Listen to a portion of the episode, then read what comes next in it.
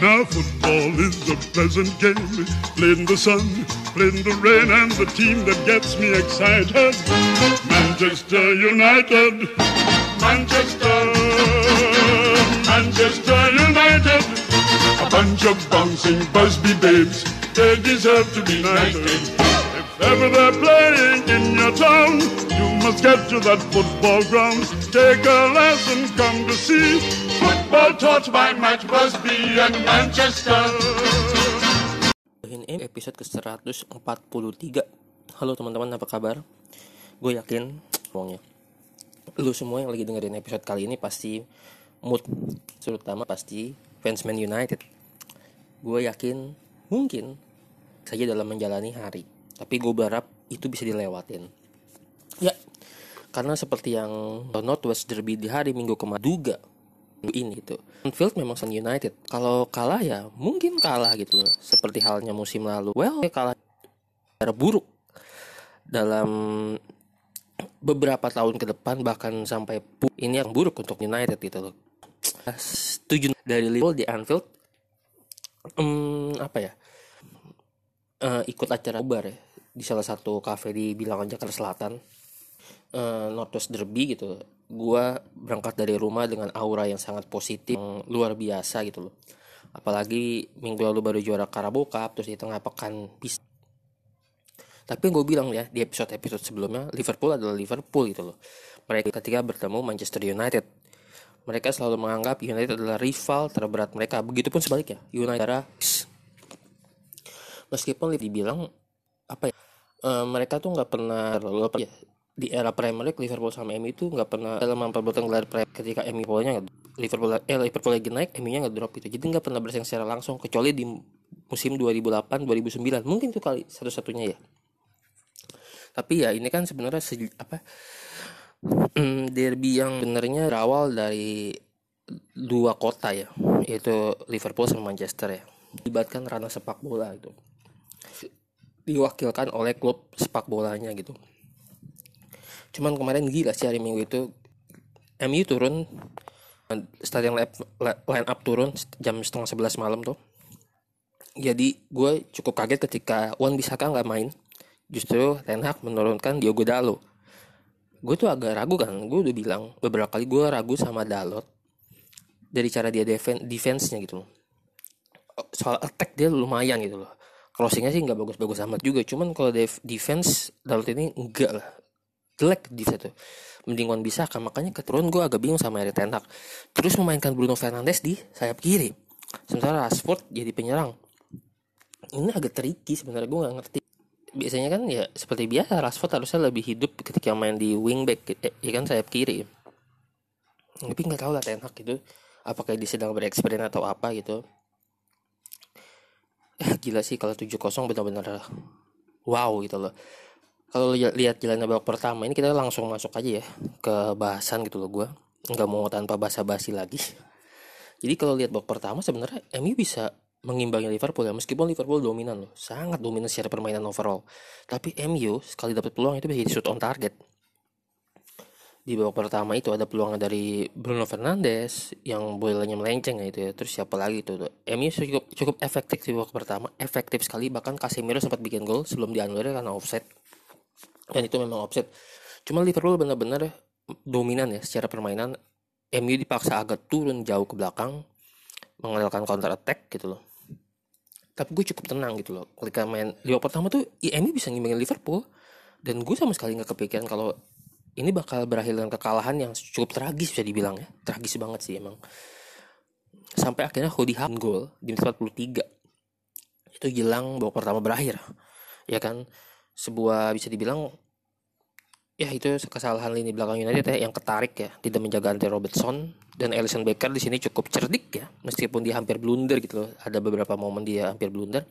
Cuman di golnya Hakpo ini Alisson Becker sangat berperan di mana ia mencari Andre Robertson yang bebas di posisi kirinya Liverpool gitu. Itu cerdik banget sih Becker atau emang. Dan mungkin dia nggak di, nggak dimiliki sama David De Gea ya dibanding Becker gitu dan babak pertama satu nol ya gue tenang aja gitu loh. Gue nobar sama teman-teman gue gitu. Biasa aja maksudnya kayak ya tenang lah berapa kali sih MU ketinggalan musim ini ya tapi bisa comeback ke babak kedua. Cuman masalahnya kan ini Liverpool main di Anfield gitu. cuma nggak ngelihat cara main MU di babak pertama ya gue yakin MU bakal bikin gol di babak kedua gitu loh. Minimal seri itu bisa nahan imbang atau cari gol penyama kedudukan itu bisa. Cuman ketika babak kedua dimulai baru berjalan 2 menit lalu lini belakang MU kocar kacir men. Darwin Nunes bikin gol kan. Terus nggak lama si Hakpo ya bikin gol lagi. Hakpo apa salah sih? Gol ketiga itu kayaknya Hakpo deh Hakpo lagi. Itu menit 50 itu menurut gue udah selesai. Ketika dia kosong. Dan kuncinya dari situ. Ketika gol kedua dan ketiga Liverpool tercipta itu pertandingan udah selesai. Setelah itu MU mainnya jelek banget. Sangat sangat jelek ya. Teman-teman pasti lihat itu jelek. Interceptnya gagal ya kan? Passing-passing banyak yang gagal. Lu lihat sendiri kan bagaimana Bruno Fernandes udah mulai ketika Bruno Fernandes emosinya udah kakak kontrol gimana lu bisa lihat sendiri di lapangan gimana Fernandes main seperti itu gitu loh.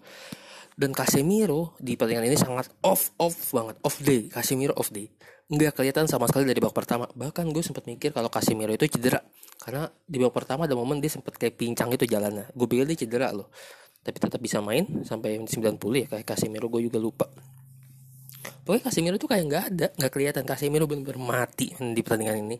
Dan itu sangat ngaruh dengan penampilan MU apalagi di babak kedua itu hancur banget. Dan ketika ketinggalan 3-0 Yuna, eh, si Ten Hag masukin McTominay sama Alejandro Garnacho ya. Buat gantiin apa sama gue lupa ada gantiin Fred sama siapa gitu Anthony atau siapa ya. Pokoknya gitulah. Uh, terus sampai akhirnya gol-gol lain bertambah ya. Ketika tiga kosong itu menurut gue pertandingan udah kelar udah selesai. Cuman gue gak kepikiran bahkan sam bahkan sampai bisa bikin tujuh golnya itu gitu loh. Menurut gue ketika udah tiga gol nih ketinggalan menit 50 udah tiga kosong. Menurut gue pertandingan udah selesai karena setelah itu MU mainnya jelek banget. Tapi nggak kepikiran bahwa Liverpool bisa nambah 4 gol lagi men. Gila. One shoot one goal. Itu Liverpool luar efektif banget luar biasa efektifnya bahkan golnya salah yang gol keempatnya Liverpool itu keren banget gila.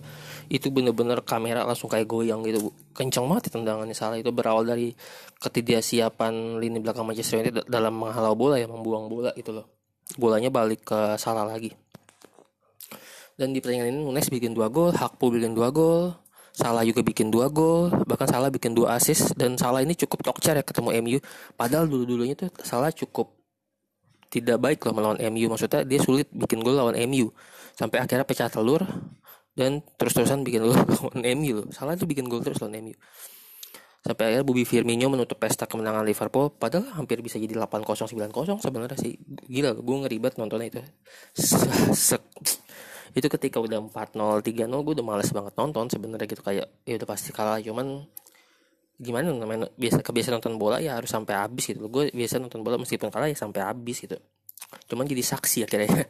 Jadi saksi sebuah pembantaian di Anfield gitu. Gue nggak nyangka ini bakal jadi skor yang cukup telak gitu loh.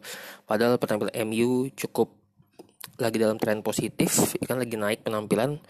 Meskipun memang kelihatan kecapean ya. Mulai kecapean ketika lawan West Ham itu mulai kelihatan kecapean sebenarnya sampai butuh gol di menit 90 gitu tapi ya udah lah ya pertandingan udah selesai udah lewat 7-0 meskipun akan menjadi luka yang tidak akan hilang ya dalam beberapa musim ke depan bahkan sampai puluhan ke, tahun ke depan gitu loh. Karena ini menjadi sejarah buruk MU semenjak Premier League. Ini kekalahan terbesar MU di era Premier League ya. Ini gue terakhir nonton ini tuh terakhir nonton MU dibantai yang parah gitu pas lawan City sih di musim 11-12 itu yang kalah 1-6 di Old Trafford itu tuh bener-bener salah satu tragedi pembantaian juga di Old Trafford. Musim lalu memang kalah 0-5 dari Liverpool cuman kayak oh ya udahlah emang MU nya busuk gitu kalau sekarang tuh nggak nyangka loh MU lagi tren bagus itu trennya lagi naik. Siapa yang nyangka? Orang pasti nggak nyangka bahkan bandar judi gue yakin juga banyak yang kalah gitu. Nggak ada yang nyangka MU bakal dibantai skor sebanyak ini gitu di tengah tren lagi positif penampilan gitu. Tapi oke lah udah lewat pertandingan MU masih aman di peringkat ketiga Premier League klasmen dengan 49 poin. Kalau nggak salah unggul 4 poin atas, Spurs atau 5 poin atas Spurs itu. Terus Liverpool uh, unggul 7 poin. Eh sorry. Liverpool sama MU bedanya 7 poin. Liverpool di peringkat ke-6 atau 5 gue nggak tahu sih lupa. Tapi kan mereka moral mereka pasti naik banget buat ngincer zona Liga Champions musim depan. Apalagi ngalahin setelah ngalahin MU gue yakin moral mereka bakal naik banget bakal dan MU bisa dibilang bertemu Liverpool di saat yang tidak tepat. Padahal Liverpool Liverpool kemarin lagi busuk ya cuman sebelum ketemu MU mereka emang lagi dapat tren positif ya. Kayak mereka menang lawan Wolves mereka ngalahin Everton gitu loh. Dan Alisson Becker gawangnya kebobolan di 4 atau tiga pertandingan terakhir gitu termasuk lawan MU akhirnya. Dia juga jaga clean sheet gitu loh. Bahkan sekarang jumlah clean Alisson Becker sama sama De Gea. 10 clean sheet kalau gua nggak salah. Di bawahnya Nick Pop sama siapa gitu. Di ajang Premier League ya Memang udah gitu ya teman-teman yang bisa gue bahas mungkin ya. MU kita bakal Real Betis di Europa League. Ini masih padat jadwal MU sebelum jeda internasional ya di bulan Maret ini ketemu Betis di Europa League terus ketemu Soton di Premier League lalu ketemu Betis lagi di kandangnya Betis ya. Terus baru saat itu lawan Fulham di FA Cup. Jadi masih ada di tiga kompetisi dalam empat pertandingan ke depan gitu. Dengan jarak waktu sekitar 9 sampai 10 hari kalau gue lihat dari tanggalnya sebelum jadi jeda internasional ya. Ada gue gak tau ya persahabatan atau European itu Nation League gitu loh kayaknya sih. Jadi ya gitu kali teman-teman di episode kali ini bisa gue bahas soal MU nya nggak banyak gitu loh karena ya udah emang jelek aja gitu loh. Apa yang mau dinilai emang jelek. MU benar-benar jelek. Liverpool sangat tampil jajan pressing yang mungkin dirindukan oleh fans Liverpool ya seperti ini. Jadi congrats ya buat teman-teman fans Liverpool atas kemenangan ini gitu loh. Selamat menikmati gitu loh. Ini kemenangan yang wajib dinikmati sama fans Liverpool. Dan ketika lo dibully misalnya fans lo sebagai fans MU dibully sama fans Liverpool atau fans fans klub lain ya nikmatin aja. Nggak apa-apa. Kalau men lo juga akan melakukan hal seperti itu. Ketika lihat tim lawan lo kalah tim rival lo kalah lo juga akan mulai dari itu jadi ini sangat balance lah. Dalam sepak bola udah hal yang wajar nggak usah dibawa sampai sakit hati sampai inilah. Nikmatin aja just fun. It's football emang seperti ini sepak bola akan selalu seperti ini. Jadi akan ada di mana saatnya kita merasakan gitu entah merasakan hal yang positif entah merasakan hal yang negatif suatu saat itu pasti akan terjadi. Dan ini kita menjadi saksi segimana dalam dua musim terakhir MU dibantai habis-habisan sama Liverpool ya musim lalu dibantai 5-0 di Old Trafford terus kalah 4 kalah 4-0 dan musim ini awal musim sempat menang, sempat menang lawan Liverpool 2-1 di Old Trafford, cuman akhirnya dibantai sama Liverpool di Anfield 7-0. Artinya dalam empat pertemuan terakhir aja nih, Liverpool selalu bikin gol ke gawang MU dengan total 17 gol. Sementara MU hanya bikin 2 gol lewat Jadon Sancho sama Marcus Rashford. Ya, udahlah, gitu teman-teman yang bisa gue bahas di episode kali ini tidak banyak yang bisa gue explore ya, cuman ya itu tadi jadwal MU akan makin padat ke depannya. Dan gue berharap pemain tetap bisa uh, apa ya menjaga tren positif se seperti pertandingan-pertandingan sebelumnya ya. Mudah-mudahan ini tidak berdampak gitu loh. Kekalahan ini tidak berdampak pada penampilan anak asuh Ten Hag ini ke depannya gitu. Karena seperti yang gue baca tadi eh, para pemain MU latihan lebih cepat setelah kekalahan 7-0 ini. Mereka datang lebih cepat ke Carrington. Bahkan Ten Hag sudah sampai 2 jam atau jam 7 pagi waktu Manchester itu Ten Hag udah ada di kantor udah ada di Carrington. Sementara pemain-pemain baru tiba jam 9 pagi gitu. Gue nggak tahu apa yang akan dibahas sama Ten Hag. Apakah mereka akan digambar-gamparin gue juga nggak tahu.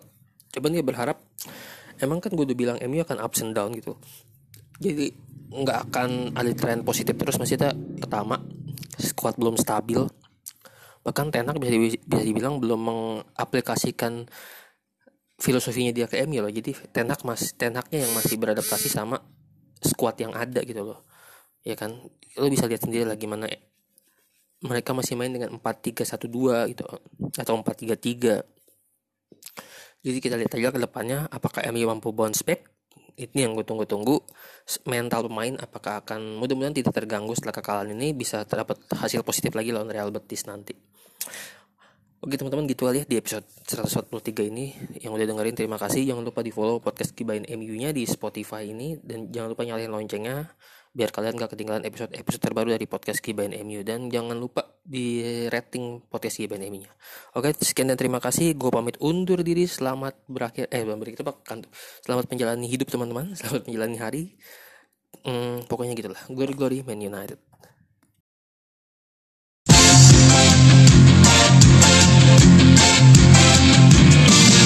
Setiap saat Bayang selalu